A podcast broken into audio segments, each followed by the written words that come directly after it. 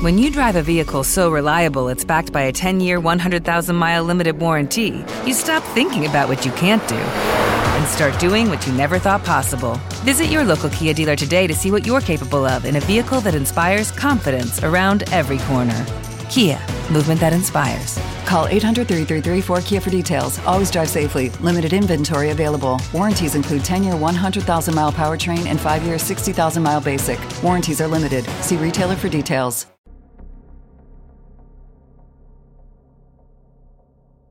Angel Resendiz 1959 yılında Meksika'da dünyaya geldi. Öyle düzgün bir ailesi de yoktu. Bu nedenle düzenli yaşadığı bir evi de yoktu. Pueblo şehrinde sokaklarda yaşayarak büyüdü. Yaşı büyüdüğünde artık Amerika'ya kaçma hayalleri kuruyordu. 1976 yılındaki ilk girişiminde yakalanmasıyla sınır dışı edildi. 3 yıl sonra bu kez fark edilmeden girmeyi başardı. Girdiği andan itibaren suçlar da arka arkaya geldi. Asla durdurak bilmiyordu. Maryland, Texas, Louisiana, Florida ve New Mexico eyaletlerinde geziyordu. İşlediği suçların sonucunda 27 yıl hapis cezasına çarptırıldı. Ancak bu kadar yıl hapiste kalmadı. Şartlı tahliyeler gibi nedenlerle 1995 yılına kadar sadece 9 yıl hapis yattı. Serbest kaldıktan sonra yük trenlerine gizlice binerek farklı duraklarda inip gittiği bölgeyi geziyordu. Tabi buralarda hırsızlık, saldırı, taciz gibi suçlardan da geri kalmıyordu. Hayatı trenlerle geçtiği için ileride demir yolu katili lakabını alacaktı. Gittiği her yerde soygun yapıyordu. Bu sayede levye, balyoz, tüfek gibi aletleri de alabiliyordu. Bu aletler onun cinayet silahıydı. Taktiği basitti. Çok az insanın olduğu bir durakta inip birilerinin canını alıp sonra trene binip yeniden yoluna devam ediyordu. İlk cinayetlerini işlediğinde tarihler 1997 yılını gösteriyordu. 23 Mart günü Florida Ocala'da durakta inmişti. Burada gözüne 19 yaşındaki Jesse Howell'ı ve 16 yaşındaki nişanlısı Wendy Von Huben'i kestirdi. Yanında taşıdığı bir maşon aracılığıyla önce Jesse Howell'ı saldırdıktan sonra sıra Wendy'ye gelmişti. Jesse aldığı darbelerle neye uğradığını bile anlamadan yere yığılıp orada can vermişti. Nişanlısı bu kadar çabuk kurtulamayacaktı. İlk önce karşısındaki bu adamın cinsel saldırısına uğrayacak, daha da sonra boğularak hayatını kaybedecekti. Jesse Howell'ın cansız bedeni demir yolunun yakınlarında bulundu. Nişanlısının da onun bulunduğu yere 48 kilometre uzaklıkta sığ bir mezara gömülü olarak bulundu. Olay yerindeki ilk incelemelere göre hiçbir delil şimdilik yoktu. 5 ay sonra vahşet devam ediyordu. Angel Resendiz Kentucky yolunu tutmuştu. Kentucky Üniversitesi yakınlarında bu kez de başka bir ikili dikkatini çekmişti. Christopher Mayer ve kız arkadaşı Holly demir yolunun yakınlarında birlikte yürüyüş yapıyorlardı. Onların da karşısına demir yollarının korkulu rüyası çıkmıştı. Christopher da Jesse gibi dövülerek can verdi. Holly'nin kaderi ise Wendy'ninkine benziyordu. Ama bu kez kız yaşıyordu. Şiddetli bir dayak yemesine rağmen hayatta kalmayı başarmıştı. Angel Resendiz işlediği cinayet suçlarından sonra uzun bir süre ortalıktan kayboldu. Arka arkaya işlediği bu suçlardan sonra saklanmaya karar vermiş gibiydi. Ortaya yeniden çıktığında tarih 4 Ekim 1998'i gösteriyordu. Texas Hugh Springs'te trenden atladıktan sonra soygun yapmak için rayların hemen karşısında bir ev gördü. Açık gördüğü bir pencereden içeriye gizlice girmeyi başardı. Evde 81 yaşında Raifin Mason adında bir kadın yaşıyordu. Bir anda karşısında tanımadığı birisini görünce paniğe kapılmıştı. Kadın panik olmuştu ama karşısındaki adam çok soğukkanlıydı. Eline geçirdiği antika bir ütü aracılığıyla yaşlı kadını da orada döverek öldürdü. Bundan 11 hafta sonra yeniden sahneye çıktı. 17 Aralık 1998 günü Teksas'ta bir üniversitenin oralarda ortaya çıkmıştı.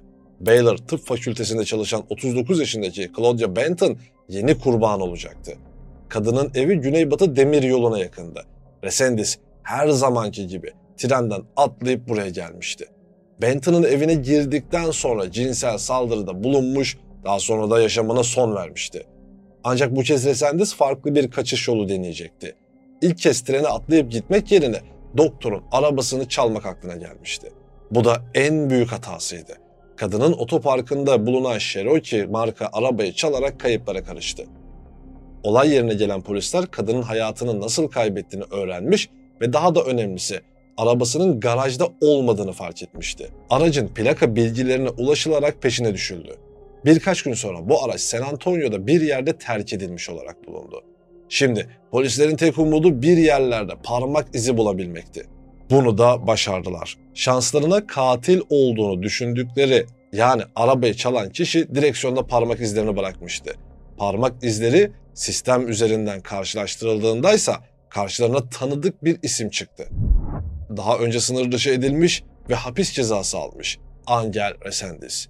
Fakat ilk olarak nedense cinayetten değil de hırsızlıktan yakalama emri çıkartıldı. Resendiz yakalanmadan yoluna devam ediyordu. Aradan 5 ay geçmiş, durdurak bilmeden devam ediyordu. 2 Mayıs 1999 günü bölge halkını şok edecek bir olay daha yaşandı.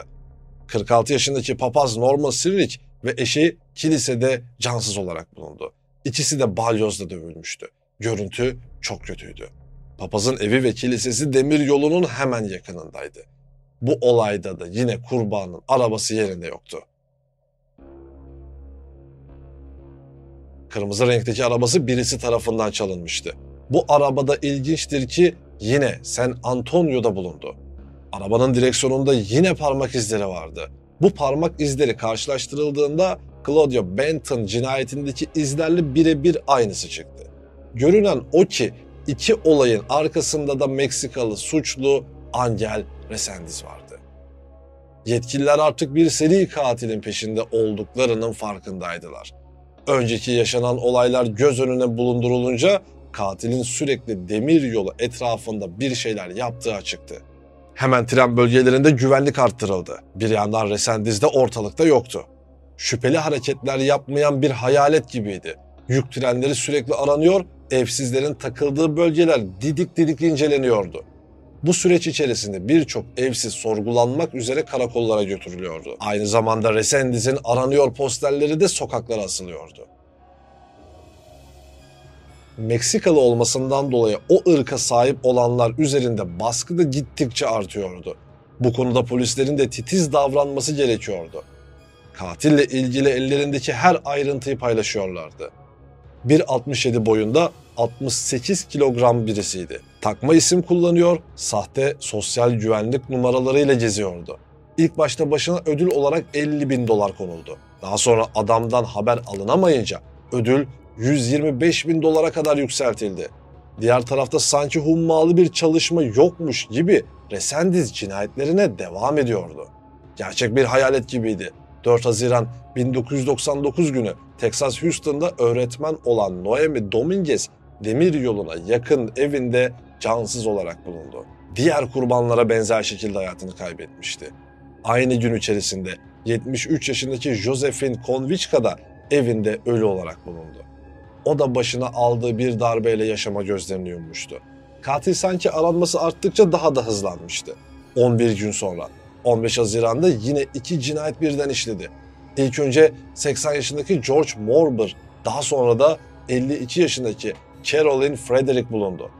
Carolyn, Gorham adlı yere yakın demir yolunun dibinde oturuyordu. Bu kez bir görgü tanığı da vardı. Görgü tanığı Angel Resendiz'e benzeyen birisinin Illinois Cairo'da Carolyn'in kırmızı kamyonetini sürerken gördüğünü polislere aktarıyordu. Demiryolu katil hızını iyice arttırınca Haziran ayında FBI'ın en çok arananlar listesine alındı. FBI bu olayla ilgili tam 200 ajanını görevlendirdi. Bu adamın acilen yakalanması lazımdı. Yoksa şiddet eylemleri artarak devam edecekti. FBI'ya her yerden Resendiz'in görüldüğüne dair telefonlar geliyordu. Ancak hiçbirisi doğru değildi. Aslında o sırada Amerika-Meksika sınırındaki Ciudad Juarez'e kaçmıştı. Resendiz Amerikan polislerine yakalanmadan Meksika'ya geçmeyi başarmıştı.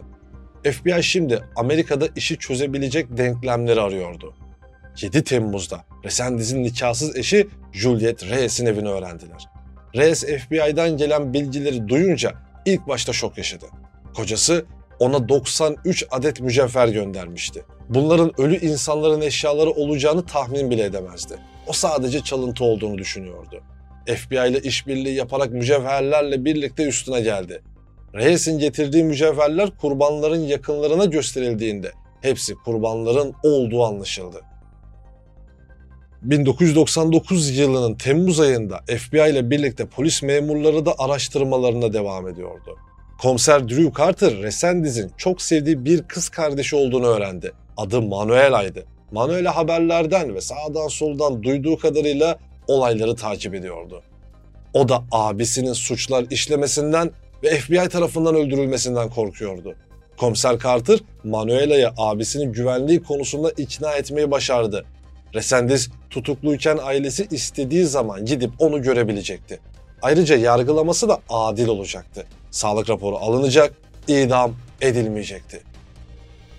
Bu şartlar kabul edilince Manuela ve Angel Resendiz'le görüşen bir akrabası aracılığıyla şartlar Resendiz'e iletildi. Resendiz anlaşmanın detaylarını kabul etti. 12 Temmuz'da sınıra geldi. 13 Temmuz günü de Amerika-Meksika sınırında Drew Carter'a teslim oldu.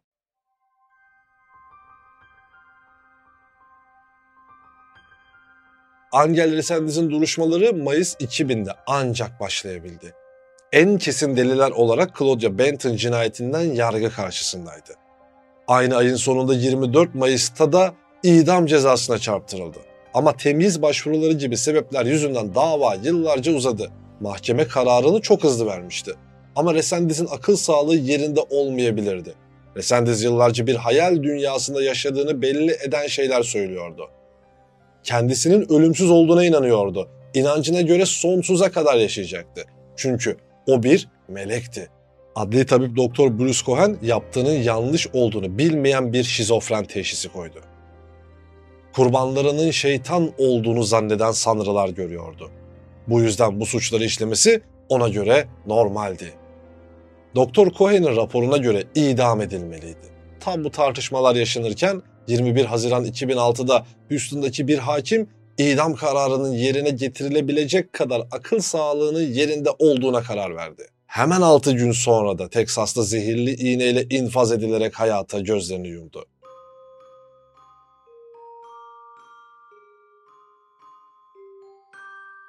Angel Resendiz için bir yandan da hapishane önünde idamın yapılmaması için protestolar vardı.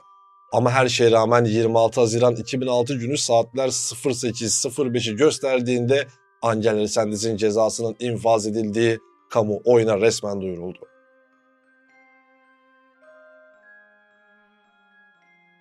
Hello, it is Ryan, and I was on a flight the other day playing one of my favorite social spin slot games on chumbacasino.com. I looked over the person sitting next to me, and you know what they were doing? They were also playing Chumba Casino. Coincidence? I think not. Everybody's loving having fun with it. Chumba Casino is home to hundreds of casino style games that you can play for free anytime, anywhere, even at 30,000 feet. So sign up now at chumbacasino.com to claim your free welcome bonus. That's chumbacasino.com and live the Chumba life. No purchase necessary. Group. Void prohibited by law. See terms and conditions. 18 plus.